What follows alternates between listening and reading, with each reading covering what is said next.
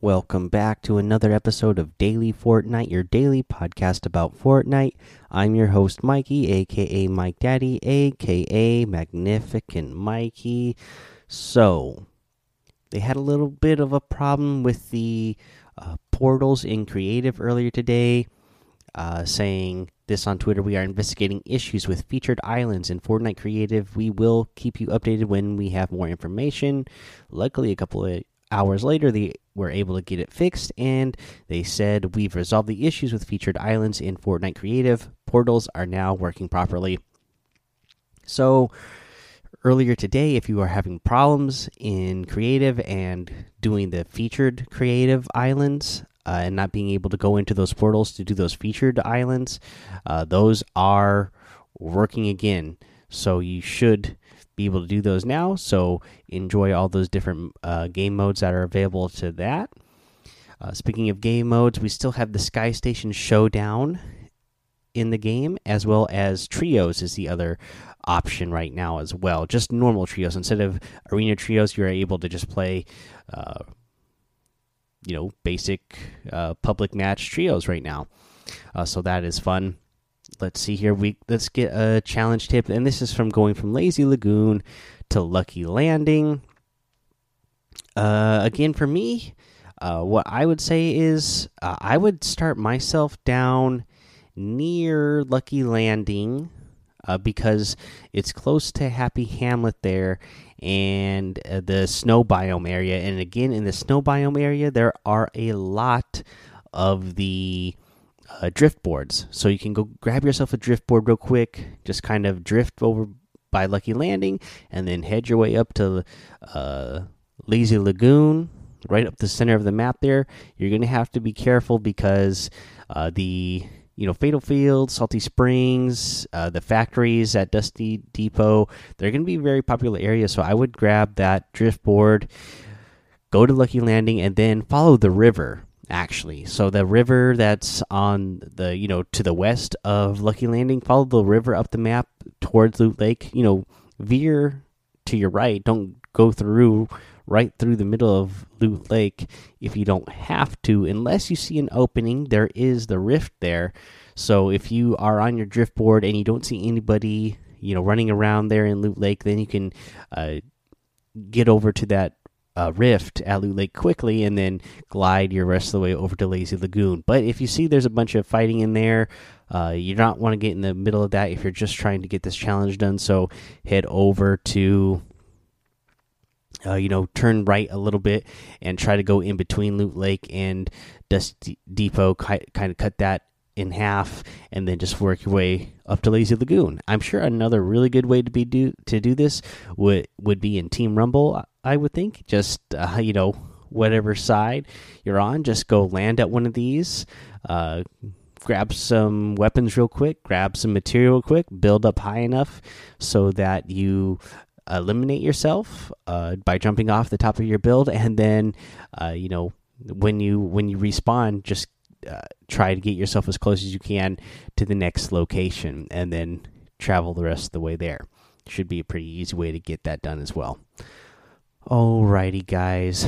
There is the news. Again, not a lot of news today. Not much going on uh, in the game itself. Uh, so let's go ahead. Let's take a little break here. When we come back, we're going to go over that item shop and our tip of the day. All right, let's go over this item shop today. We have the Focus outfit. This is one that I like a lot with the fixation harvesting tool is all part of that focal point set. You get the Rex outfit back in the item shop. Uh, you could have some good battles in the item uh, with the item shop stuff today with Rex and Triceratops. You know, recently we had the Bronto outfit in the item shop, so you can have all these dinosaurs and have yourself, uh, you know, an epic uh, prehistoric battle in the in the game. We got the Triassic wrap and the Dino wrap as well. You get the uh, Power Cord outfit, one that I absolutely love. The Anarchy Axe harvesting tool and the Stage Dive glider. You get the Volley Girl outfit, a really good one, the Showstopper emote, the Renegade outfit, the Wild Tangent harvesting tool, the Fancy Fool emote, and a new emote. Where is Matt? That is the name of the emote. Where is Matt? Uh, it says, Show the world your moves. So I don't know. I don't get it. Where is Matt? Where is Matt? That's what I want to know. Where is Matt? And uh, who is Matt? Uh, who is this Matt that they're talking about? Very curious uh, to know. You know, is this going to be something that uh, becomes some sort of lore in the game? You know, we had Kevin in the Cube. We've seen uh, Epic use the cube being called Kevin. They've they've used that themselves now. Like, and so where is Matt? What is what is this new? You know, is there going to be a new character? Some kind of item they're expecting people to call Matt? Very very curious to see if this you know ties back in in any way at all, or if it's just a random name for an emote. Uh, it's a universal one, so that is kind of cool. Uh, but anyways, if you guys are going to get any of these items in the item shop today, I'd really appreciate it if you use that creator code Mike Daddy M M M I K E D A D D Y in the item shop because it does help support the show. All right, let's get to our tip of the day, and this is just a, in general a season ten tip. Because season nine we had the sky platforms which had those uh, slipstreams going up. We had slipstreams around neo tilted mega mall and ones that went through all you know all over the map. And we had geysers. We had ballers we had the quad crashers uh, you know we had a lot of mobility so you had a lot of chances to just dash around the map, get eliminations. Uh, you know, you had extra time to uh, harvest materials and loot for, uh, you know, weapons and whatnot. But this season, not the case. A lot of mobility is gone. We don't have all the slipstreams anymore. We don't have the sky platforms. No ballers. Uh, the quads aren't there anymore. You just got the drift boards and the mechs really to, uh, you know, rotate with around the map because we don't even have the glider redeploy anymore.